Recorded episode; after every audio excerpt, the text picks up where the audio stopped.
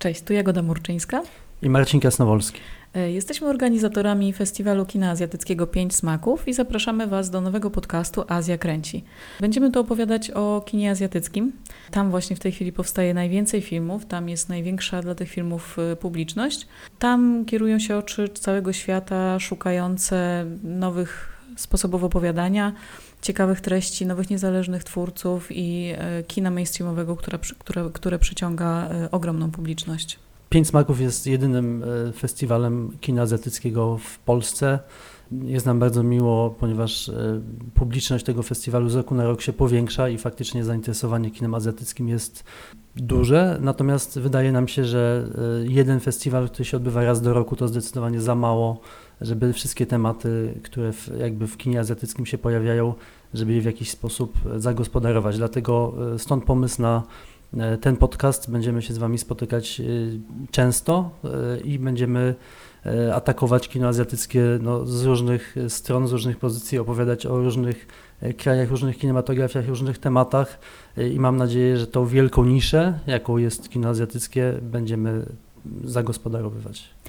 Chcemy porozmawiać z jednej strony o e, kinie niezależnym, artystycznym, które najczęściej pokazujemy na festiwalu, ale też właśnie o kinie gatunkowym, o tych oryginalnych produkcjach, które e, często zaskakują różnorodnością i, i ciekawym podejściem do e, konwencji.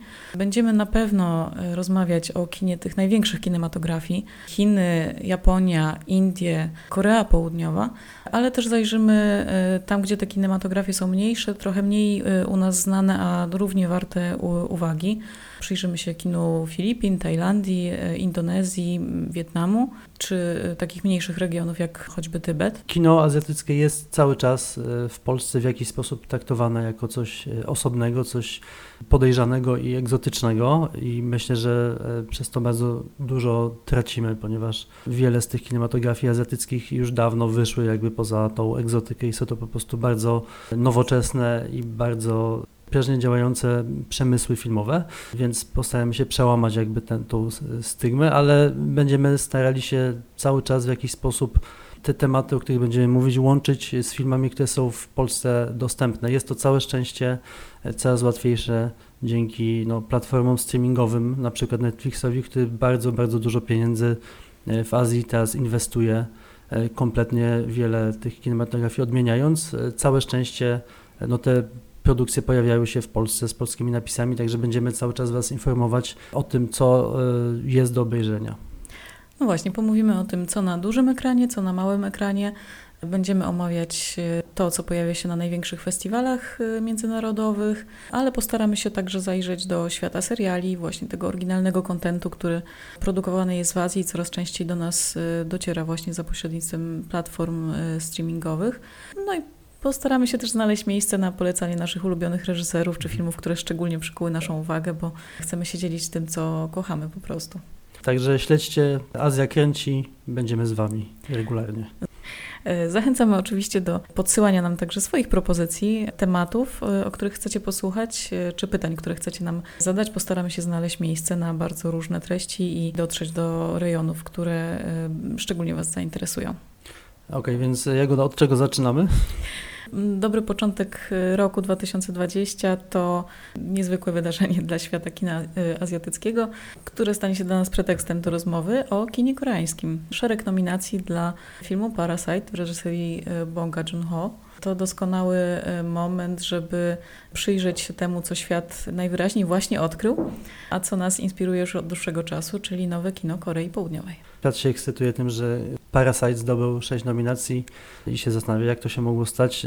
Ja, się, ja sobie zadaję pytanie, dlaczego dopiero teraz tak naprawdę ta kinematografia koreańska w XXI wieku jest e, no, absolutnie najbardziej prężną chyba kinematografią na świecie jakby patrząc na to, z jakiego poziomu zaczynali na początku wieku, bo udało się im zbudować niezwykle prężny i przemysł filmowy, który nie tylko jakby produkuje y, wiele znakomitych no, artystycznie filmów, ale także który no, jest wielkim sukcesem finansowym. Y, I to połączenie tak naprawdę mm, składa się na, na, na właśnie na sukces nowego kina koreańskiego. Wszystko zaczęło się na początku wieku, tak? Y, Taką datą graniczną uznaje się rok y, 1999, y, kiedy powstał film Shiri, czyli taki pielski, pierwszy koreański blockbuster, film, który y, był zrealizowany jakby z na pewno twórcy byli zapatrzeni w Hollywood, ale był to film, który był zrealizowany w 100% w Korei, w Seulu i podejmował koreańskie e, tematy. I od tego czasu okazało się, że te filmy koreańskie mogą być nie tylko bardzo dobre, ale także można na nich zarobić dobre pieniądze. Właśnie, bo e, kino koreańskie, e, co ciekawe, ma taką historycznie dosyć trajektorię e, zbliżoną do tego, co dzia- dzia- działo się w kinie polskim, co wynika też z podobnych wydarzeń historycznych, to znaczy z takich przemian, które w latach 90. się tam dokonały. Z jednej strony taka postępująca demokratyzacja kraju i zdecydowanie większa jego otwartość na świat, z drugiej strony no, przemiany gospodarcze, które myśmy też tego doświadczyli, więc możemy mniej więcej sobie wyobrazić, jak to, jak to tam wyglądało. Poza tym, że jakby filmami nagle zaczęły się y, interesować większ, wielkie firmy, o których zapewne za chwilę jeszcze opowiesz, to też społeczne procesy miały tutaj duże znaczenie. Chociażby to, że y, prozaicznie młodzi ludzie zaczęli wyjeżdżać na studia za granicę. I wielu przyszłych reżyserów trafiło na studia filmowe, czy nawet nie, nie, nie, nie tylko filmowe, na zachód, do Stanów Zjednoczonych. Zetknęli się z trochę innym podejściem do języka filmowego, ale też z inną kulturą, bardziej liberalną, którą przynieśli na grunt dosyć jednak konserwatywnej społeczności koreańskiej. I zderzenie, które z tego wynikło, jest chyba takim jednym ze znaków rozpoznawczych kina koreańskiego, to znaczy zderzenie tego bardzo, bardzo specyficznego myślenia na przykład o rodzinie, o społeczności, o tych więziach bardzo silnych, z których jednostka nie może się wydostać, a z drugiej strony z, taką, z takim bardzo swobodnym roz- rozumieniem nowoczesności, z bardzo obecną mocno w kinie seksualnością, czy z y, przemocą, która też takim jakby flagowym y, elementem tych filmów koreańskich XXI wieku się stała. Podobnie jak Polska, Korea odzyskała jakby wolność na początku lat 90. i ta dekada lat 90. znowu, podobnie jak w Polsce, jeżeli chodzi o kino, była zupełnie stracona. Koreańczycy jakby nie chcieli oglądać swoich filmów, były one dosyć e, słabe. Natomiast oni tej dekady nie przespali, oni planowali jakby jak zbudować ten przemysł. Anegdotycznie pulsem do stworzenia silnej kinematografii był sukces Parku Jurajskiego na świecie. Oni przeliczyli, ile ten film zarobił milionów dolarów, ile musieliby wyprodukować e, samochodów, żeby jakby takie pieniądze zarobić i stwierdzili, że kultura, że kino jest e, rzeczywiście czymś, na czym można zarobić, a jednocześnie zależało im na tym, żeby kultura była także takim PR-owym czynnikiem, który mógłby Koreę jako kraj reklamować na świecie. No i e, oczywiście oprócz kina widzimy popularność e, chociażby K-popu, który rzeczywiście aż trudno w to uwierzyć, jak bardzo jest obecnie popularny. O tym nie będziemy teraz mówić, to jest pewnie temat na, na osobny e, podcast. Natomiast tak jak wspomniałeś, bardzo ważne jest to, że y, ci młodzi twórcy koreańscy, którzy doszli do, do głosu na początku XXI wieku, no oni z jednej strony wywodzili się z tej e, tradycji koreańskiej, ale z drugiej bardzo mocno byli zanurzeni w kinie e, zachodnim. I to połączenie, które stworzyli, ja to nazywam, że jest to kino gatunkowe 2.0, bo rzeczywiście oni jakby odrzucili takie e, gatunkowe, powiedzmy, dogmaty, które funkcjonują w kinie hollywoodzkim. Postanowili e, wymieszać różne tradycje, e, przełamać schematy, łączyć elementy takie ostre, bardzo przemoc, na przykład z melodramatyzmem, z sentymentalizmem i, ta, i to, co powstało dla widza zachodniego jest trudne do przyjęcia, ponieważ nie jest do tego przyzwyczajony, natomiast Koreańczycy przyjęli to z dużym entuzjazmem i dzięki temu to kino koreańskie jest zdecydowanie jakby ciekawsze, jeżeli chodzi o emocje, jakie proponuje.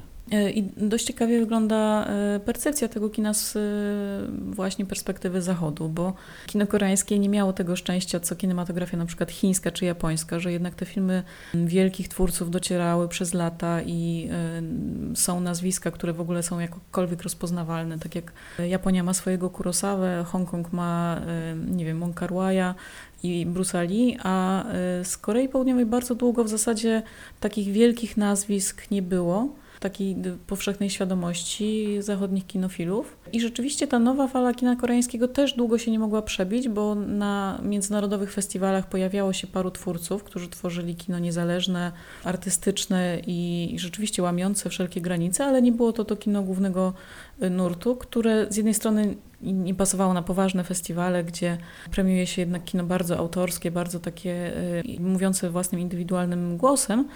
A z drugiej strony nie trafiały też do szerokiej dystrybucji, bo y, dystrybutorzy bali się, że ze względu na język, ze względu na odmienność kultury te treści nie przyciągną do kin dużej grupy osób, więc rzeczywiście mogliśmy je odkrywać przede wszystkim w tym formacie y, festiwalowym. I pewnie wielu z nas kojarzy nazwiska twórców takich jak Kim Ki-duk, Park Chan-wook, którzy właśnie na tych festiwalach gdzieś zaistnieli. Natomiast nieznane są całe rzesze nazwisk czy twórców, którzy produkują filmy bardziej kierowane właśnie do tej e, masowej publiczności, co na szczęście powoli się zmienia, bo te filmy zaczęły się pojawiać w Cannes. W początku e, pojawiło się kilka takich filmów e, w, w, ramach tych pokazów Midnight Screenings, czyli właśnie tych dedykowanych do kina gatunkowego, szczególnie oryginalnego. No ale niedawny sukces filmu Służąca Park chan mhm. czy, czy Lee Chang-donga, który nagle gdzieś przebił się do masowej świadomości. Wydaje się, że powoli, powoli tego kinowego widza, e, nie tylko festiwalowego, ale też takiego, który po prostu przychodzi na repertuarowe dobre kino. Powoli zaczynają te koreańskie treści też przyciągać. E, no i sukces Parasite jest chyba przykładem i mam nadzieję sygnałem dla dystrybutorów, że warto po takie treści sięgać, bo rzeczywiście e, ludzie poszli, poszli do kin i, i okazuje się, że zbiera on świetne recenzje nie tylko od krytyków filmowych, ale też po prostu od widzów. No tak, bo Bon Joon-ho chyba w takiej e, szerszej świadomości zaistniał e, po premierze Snowpiercera, dlatego tego, że wykorzystał e, aktorów hollywoodzkich i gdzieś tam wielu widzom stworzyło się połączenie jakby z tym filmem i rozpoznawali tam aktorów, których znali z, z innych filmów. Potem przyszła Okcia, e, która była z kolei pokazywana na Netflixie i też jakoś zaistniała. Natomiast no, musimy pamiętać, że Bon Joon-ho debiutował w roku 99 właśnie. Był jednym z tych, był chyba największym jakby nazwiskiem tego nowego kina koreańskiego od samego początku w zasadzie. E, jego kariera jest no, przykładem jakby niezwykłej e, takiej kreatywności twórczej i tego, że tak naprawdę nie zaliczył ani jednej wpadki jako reżyser. To znaczy już jego debiut był e, bardzo udany.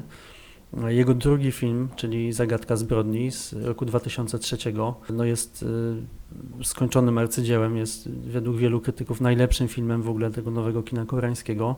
Jest też filmem świetnie ocenianym przez międzynarodowych krytyków, no ale właśnie w 2003 roku Takim filmem, który przebił się do, do, do świadomości widzów był Old Boy, który e, też oczywiście jest filmem znakomitym, ale dzięki nagrodzie w Cannes, e, która została przyznana wtedy pod przewodnictwem Tarantino, Old Boy trafił do, do polskich kin, a Zagadka zbrodni mam wrażenie przepadła e, gdzieś, no tak, ona nie była pokazywana w polskich kinach.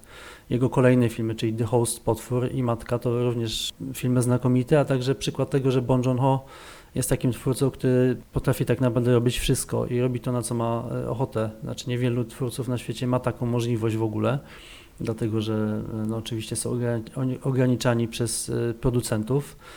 On dostaje dużą wolność w Korei, znaczy producenci mu ufają dzięki temu, że nie zaliczył żadnej padki. I no, jego kino jest właśnie, ma w sobie to wszystko, co ma nowe kino koreańskie. Z jednej strony Bon Joon-ho uwielbia się bawić motywami gatunkowymi, które w swoich filmach jakoś fantastycznie łączy, zderza i to wszystko działa jakby jako całość, no działa na widza i, i ma sens, a z drugiej strony y, jego filmy są bardzo głęboko połączone z, z historią Korei, to po pierwsze, a po drugie z jakby y, w jaki sposób on stara się ujmować ducha y, społeczeństwa koreańskiego, tak właśnie już od, od jego debiutu czyli od y, szczekających psów. No, on się interesuje tym, jak jest kondycja Koreańczyków, to też znakomicie widać w e, Zagadce zbrodni, która jest no, takim filmem tak naprawdę o, o przeszłości, o ściganiu e, pierwszego e, seryjnego zabójcy w Korei. To jest faktycznie, to jest historia, która miała miejsce w latach 80., natomiast jest to film, który odnosi się do współczesności i pokazuje, jak bardzo Korea jest przez te demony przeszłości cały czas e, ścigana. Sam reżyser jest ścigany przez te demony przeszłości, bo E, On mówił kiedyś w wywiadach, że ta zagadka tej, tej, tej zbrodni rzeczywiście prowadziła go do jakiegoś, do, do, do pewnej obsesji. I co ciekawe, ten rok 2019 to jest też rok nie, nie tylko wielkich sukcesów jego nowego filmu, ale też rok, kiedy ujawnił się sprawca e, tej zbrodni i, i sam Bąk mówił, że, że to dla niego ogromne było przeżycie, że, żeby zobaczyć twarz tej osoby, które, o której myślał tak naprawdę przez te dwie dekady i wracał do tego tematu nieustannie, ale to w ramach e, anegdoty. Ta jego polityczna e, świadomość też jest e, czymś charakterystycznym dla tego nowego kina koreańskiego, bo to, co mówimy o tym doskonałych scenariuszach, o świetnej realizacji, bo to też taka techniczna maestria, którą e, Koreańczycy sobie wypracowali i która sprawia, że te filmy naprawdę genialnie się ogląda. Te wszystkie pościgi, te, e, to napięcie, które jest budowane w tych filmach, to jest jedna sprawa. A druga sprawa to to, że e, we wszystkich tych filmach e, ukryte są mniej lub bardziej e, zawoalowane treści społeczne i polityczne. Bardzo dużo porusza się w tych filmach tematów nierówności społecznej, e, przeróżnych skandali politycznych, które wstrząsają Koreą raz za razem. E, No i oczywiście e, całego dziedzictwa e, i, historii związanych e, z Koreą Północną, która e, jest bohaterem i e, takim popkulturowym i powstaje masę komedii gdzieś z Koreą Północną w tle, ale też filmów, które e, poruszają ten temat e, w bardziej poważny i, i bardzo ciekawy sposób, gdzieś podsuwając jakieś em, sposoby na dia- dialog między, między dwoma skłóconymi braćmi. Tak, no to jest, to jest ciekawe, bo y, musimy pamiętać, że kiedy Korea nie była jeszcze krajem demokratycznym, była rządzona przez prawicowy reżim, który z jednej strony rozwijał ten kraj bardzo mocno ekonomicznie, ale z drugiej strony bardzo mocno y, zacieśniał, że tak powiem, uścisk na, y, na, na, na, na, na gardle społeczeństwa, to y, no to te tematy związane z Koreą Północną były absolutnie zakazane. To znaczy y, można było trafić do więzienia, jeżeli pokazało się w filmie pozytywną postać Koreańczyka z północy. Na y, nagrodach, koreańskich nagrodach filmowych była specjalna kategoria, która nagradzała jakby film, który najmocniej atakował Koreę Północną, więc to było przez wiele lat e, tabu. I no, pierwszym filmem, który przełamał to tabu było wspomniane przeze mnie Shiri, które pokazywało e, Koreańczyków z północy jako e, postaci pozytywne, a dzisiaj, e, 20 lat później, no jest to temat, tak jak wspomniałaś, można już nakręcić spokojnie komedię sensacyjną z, z Koreańczykami z północy, więc kino pomogło jakby faktycznie przełamać pewne tabu, przełamać jakąś traumę i jednocześnie y, trochę jakby pomogło ustawić dialog o tym, czym Korea Północna i kim Koreańczycy z północy są dla mieszkańców południa. Zresztą Bong też to robi w Parasite, gdzie jest rewelacyjna scena mm, takiej satyry wykierowanej w telewizję północno-koreańską i w tą nową mowę północno-koreańskiej ideologii. No jest to scena taka niezwykle slapstickowa, ale myślę, że no, czytelna też dla nas y, właśnie z podobnych względów, to znaczy jesteśmy też wyczuleni na tego rodzaju propagandową, propagandowy przekaz y, telewizji publicznej, ale myślę, że, że y, to nie jest też, jakby ona nie, nie jest takim czystym wyśmianiem to nie jest taka prosta e, komediowa scena, ale jest tam też taki, du, dużo takiej sympatii, nostalgii, nie wiem jak to nazwać, ale takiego jednak e, poczucia porozumienia. Jakby bohaterowie nie, nie, nie, nie krytykują tutaj Korei Północnej, czy nie oddalają się od niej, tylko jest to ich rzeczywistość. To, to jest coś, co, co, co jest im doskonale znane i bliskie, więc to jest taka paradoksalna e, wymowa tej sceny. No sam, sam Bong mówi, żeby nie odczytywać jej jako czysto komediowej sceny.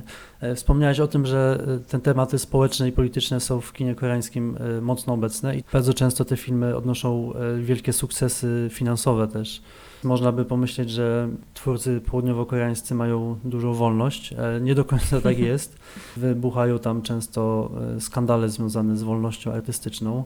Poprzednia pani prezydent, która obecnie odsiaduje dosyć e, długi wyrok w więzieniu, stworzyła listę, już nie pamiętam, kilku tysięcy bodajże e, artystów, którzy byli jakby na cenzurowanym. Bon Joon-ho też na tej liście się znajdował.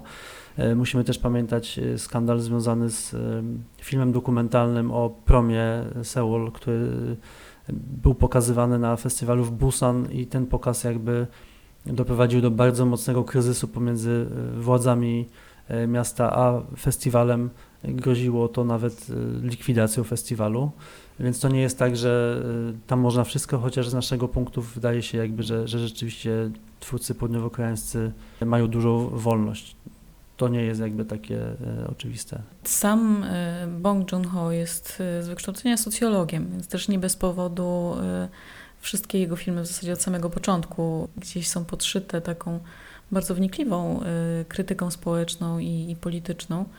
Zresztą jest to twórca w ogóle wywodzący się z takiej bardzo em, intelektualnej rodziny. E, Jego matka jest pisarką, jego ojciec zajmuje się em, projektowaniem, jego siostra jest projektantką mody, więc i ta, ten świat literatury, sztuki, tych wszystkich filmach, e, no i jakby widać tą, to bardzo, bardzo wszechstronne e, jego myślenie o materii filmowej i o treści filmu. No i sam Parasite jest oczywiście, no, przez wielu krytyków to jest chyba główny punkt, który po- porusza się w recenzjach, to znaczy właśnie ta społeczna krytyka, pokazanie tych nierówności bardzo sprytny i tak naprawdę wcale niejednoznaczny sposób. Sam e, Bong Joon-ho, kiedy wysłał Parasite'a do, na festiwal w Cannes, nie wierzył w to, że mm, ten film w ogóle może tam się przebić, może zostać zrozumiany.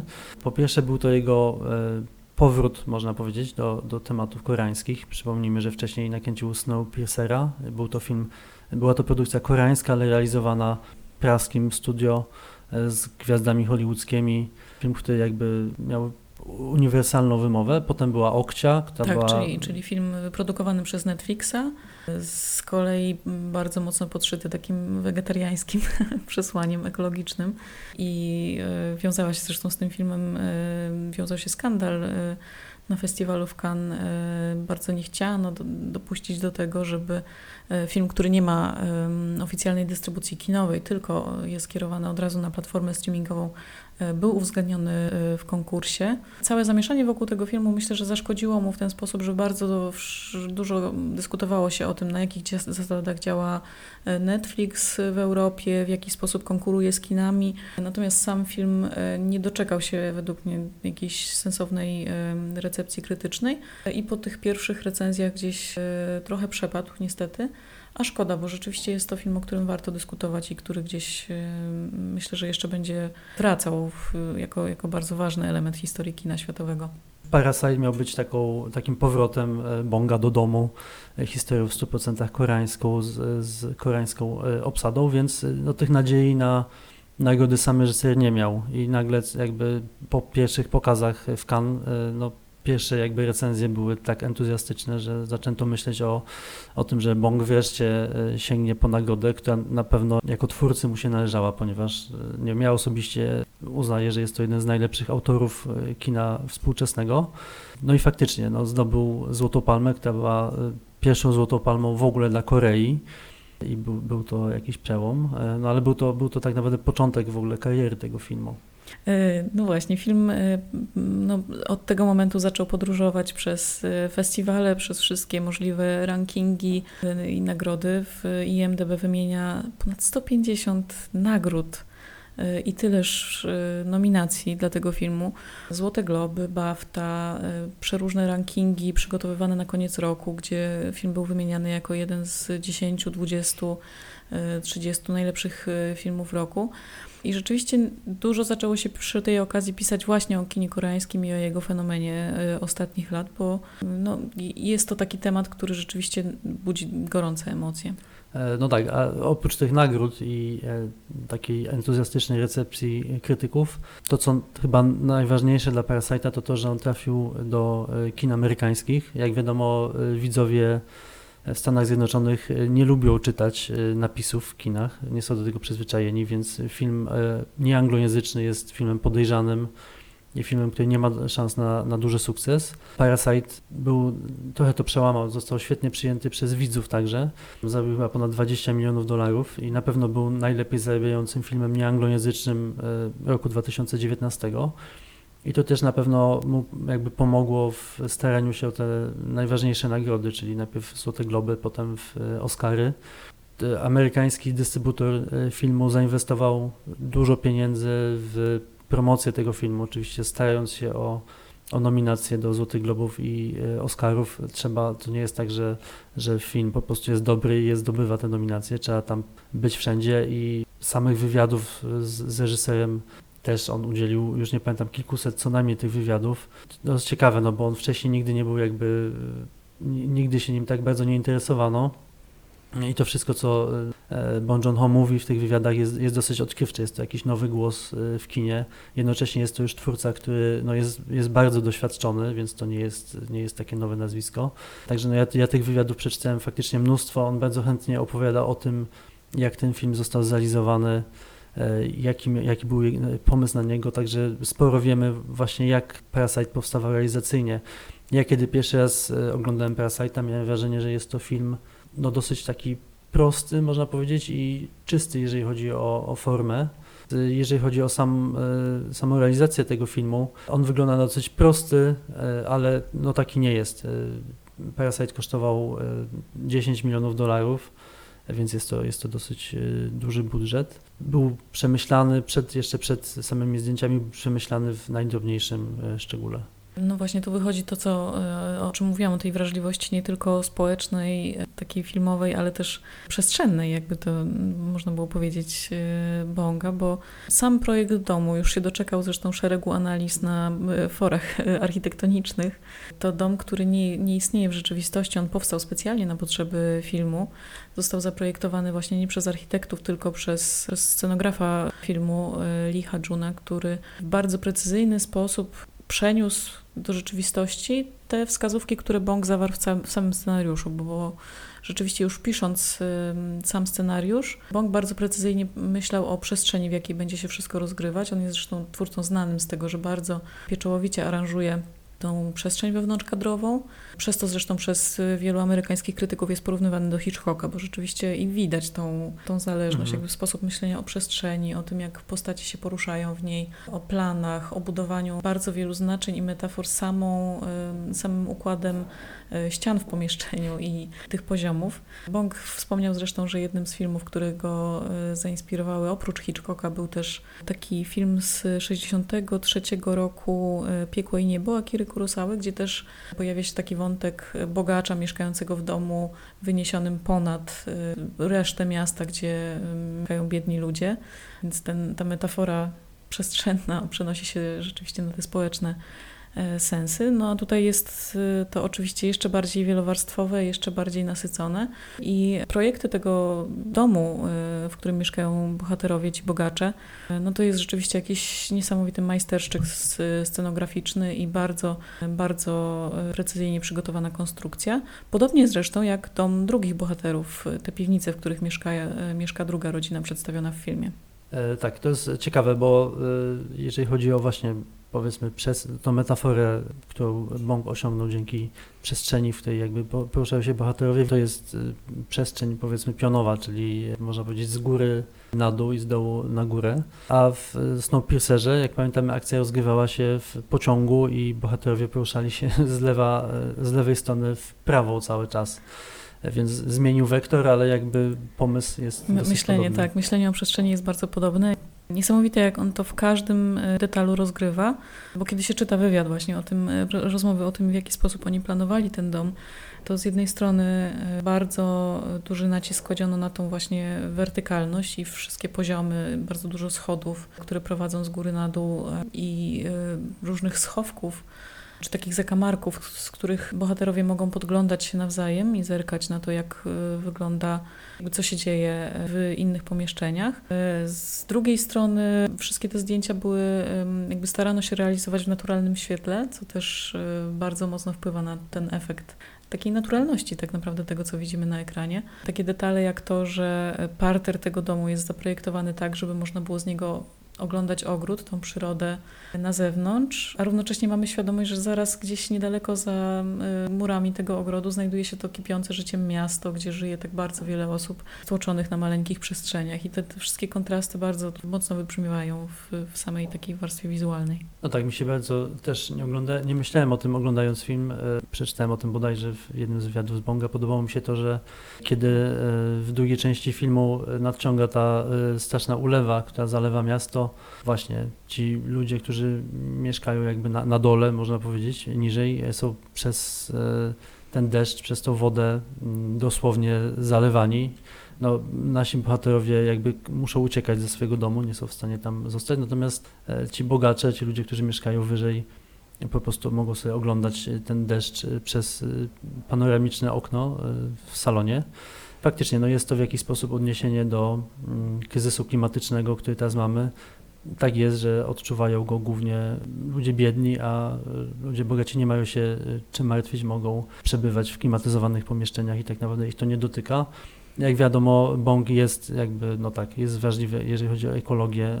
Pokazała to chociażby Okcia, w której pokazuje, jak okrutny jest przemysł hodowlany, mięsny. Sama ta sceneria i całe okolice, w których mieszka biedna rodzina, to, to też nie są realne e, lokacje, tylko to też wszystko zostało stworzone.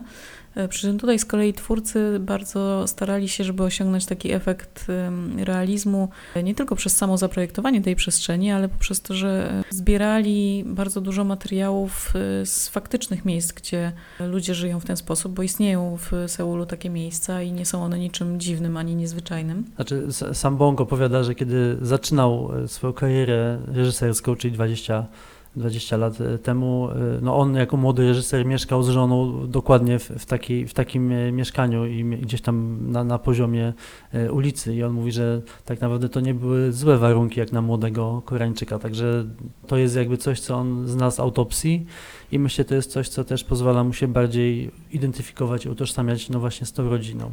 Tak, i, i cały, ten, e, cały, cały ten dom został e, zbudowany też tak, żeby było widać, że tam wszystko jest powielokroć nap- naprawiane, wszystkie te elementy są podniszczone. E, Wiele miesięcy zbierali dosłownie te elementy, które tam się znajdow- znajdowały, posuwając się nawet do tego, że chodzili po tych właśnie takich biednych zakamarkach Seulu i robili odlewy cegieł. e, Żeby one rzeczywiście wyglądały realistycznie, no tak zniszczone, jak powinny być, więc już ta dbałość o szczegóły naprawdę tutaj e, była posunięta do granic możliwości. Z kolei z drugiej strony ten y, dom no, bogatych bohaterów. Czytałem gdzieś, Bąk opowiadał, że tam w jednej ze scen taką ważną funkcję ma y, kosz na śmieci, który stoi w kuchni, który bezszelestnie się otwiera. Y, Bąk mówi, że y, kiedy dostarczano go na plan, dowiedział się, że ten kosz na śmieci kosztuje dw- 2,5 tysiąca dolarów. Czyli prawie 10 tysięcy złotych i przeraził się, że w ogóle no, mogą być tak doje kosze na śmieci. To jest kompletnie też rzeczywistość, w której on sam jako tak naprawdę najbardziej uznany koreański reżyser nie funkcjonuje. To jest jakiś świat, którego on sam w ogóle nie znał. Oczywiście ta, e, ta wielopoziomowość e, przekłada się na e, status społeczny bohaterów. Przy czym też jest ciekawe, że już od samego początku mamy tak zasygnalizowane, że, że mamy tych bogaczy żyjących na wzgórzu i biedną rodzinę żyjącą e, w piwnicy, czy tak w zasadzie to jest półpiwnica, bo oni jednak mają te okna, które są na, na poziomie bruku, co jest taką sugestią, że oni jeszcze ciągle mają nadzieję, że się stamtąd e, gdzieś Mhm. wydobędą, że to nie jest jeszcze ostateczne dno.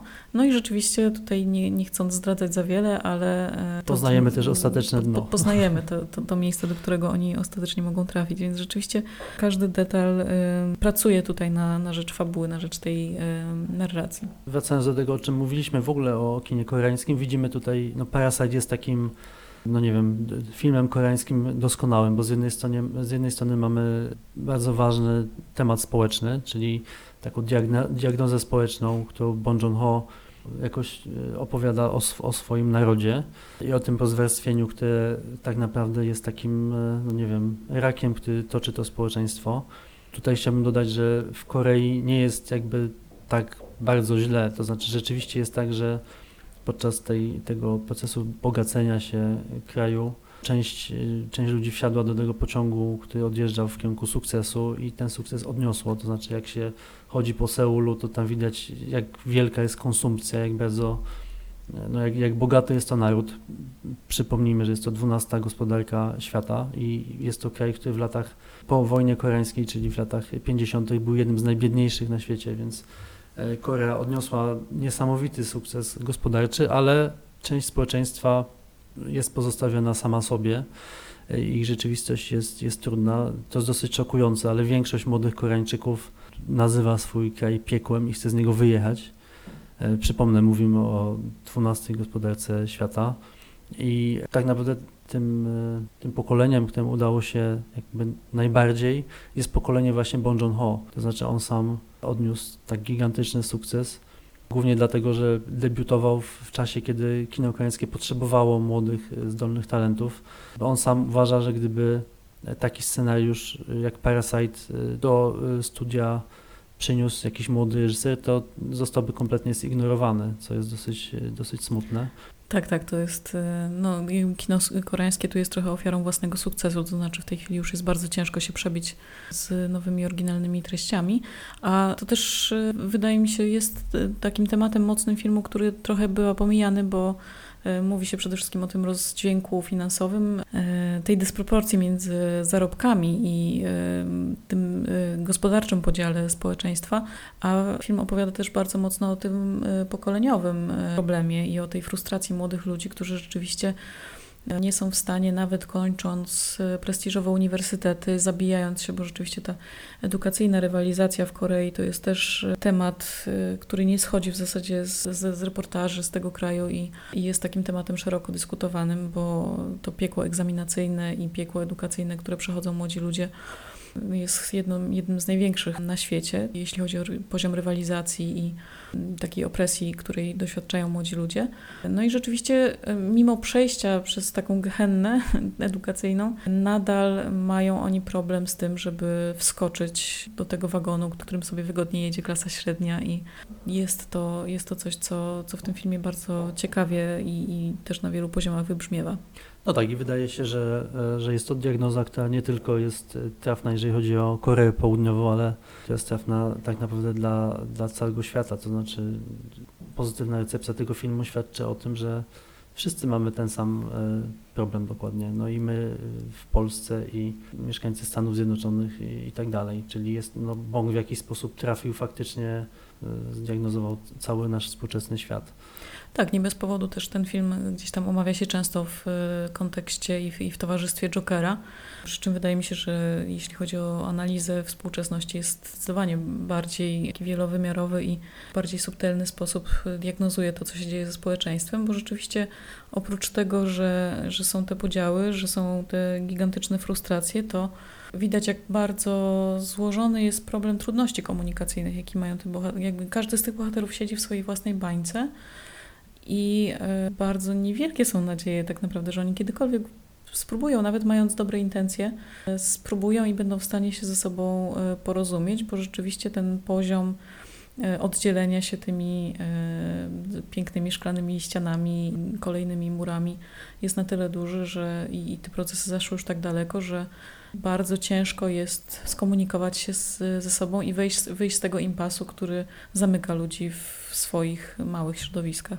No tak, i znowu tutaj osobiste doświadczenie e, Bonga, czyli to, że jako e, młody student e, był korepetytorem w takiej bogatej rodzinie, pomogła mu jakby no, znaleźć to połączenie między biednymi i bogatymi i jest punktem wyjścia całej historii. Myślę, że to też, co jest ciekawe, jeżeli chodzi o Parasite i znowu jest w jakiś sposób można rozciągnąć na całą kinematografię współczesną kinematografię koreańską jest to, że z jednej strony Bong Joon-ho odwołuje się do klasyki kina koreańskiego, czyli pomysł no tak, tego, tego domu i zderzenia takiej rodziny biednej i bogatej. No, on głównie tutaj czerpie z twórczości Kim Ki-yanga, czyli takiego giganta kina koreańskiego lat 60., czyli tego takiego złotego okresu kina koreańskiego klasycznego, głównie z filmu The Housemaid. E, polecam, jest to, jest to ciekawa lektura po latach, zwłaszcza właśnie w zestawieniu z, z Parasite'em. A z drugiej strony, e, jeżeli chodzi o to, w jaki sposób ten film jest opowiedziany, jest tam no, mnóstwo nawiązań do, do kina, do współczesnego kina gatunkowego, hollywoodzkiego. I tutaj dobrym przykładem jest, e, jest tam sekwencja, w której bohaterowie muszą wyeliminować jakby z tego bogatego domu służącą, żeby zastąpić ją, no tak, e, swoją mamą. E, I konstruują bardzo taką delikatną, bardzo subtelną, ale bardzo precyzyjną intrygę. I sposób, w jaki ta sekwencja jest montowana, kieruje nas do, do tradycji no, haste movies, czyli filmów o skokach na, na bank czy jakichś napadach. E, jeżeli e, obejrzycie tę scenę jeszcze raz, zwróćcie uwagę na to, w jaki sposób to wszystko, cała ta sekwencja jest skonstruowana. Jednocześnie jest pokazane, w jaki sposób bohaterowie ćwiczą każdy element e, tego planu. Mm, faktycznie, no jest, to, jest to niesamowity, jest to niesamowity taki popis po prostu tego, co Bong Joon-ho potrafi zrobić z filmowym opowiadaniem. No, jest właśnie, to, taki, taki malutki film Mhm. e, w filmie. Dokładnie. E, I wiele jest takich sekwencji w ogóle, które są takimi mikro e, etiudami w zasadzie. Tak samo jak sekwencja właśnie powodzi i tej, tego momentu, kiedy bohaterowie podróżują do swojego domu. Jest to też taki mikrofilm drogi, który, Mhm. w którym bardzo wiele się dzieje i tak naprawdę pierwszy raz śledzimy całą tą drogę. E, To jest wręcz tak pomyślane, żeby to był prawie czas rzeczywisty tej podróży od e, jednego domu do drugiego, podczas gdy wcześniej w zasadzie przeskakiwaliśmy tylko z jednej lokacji do, do drugiej. Y, Pewnie tych, tych elementów można by jeszcze, znaczy analiza tego filmu naprawdę jest, jest tutaj nad czym pracować, jest o czym mówić.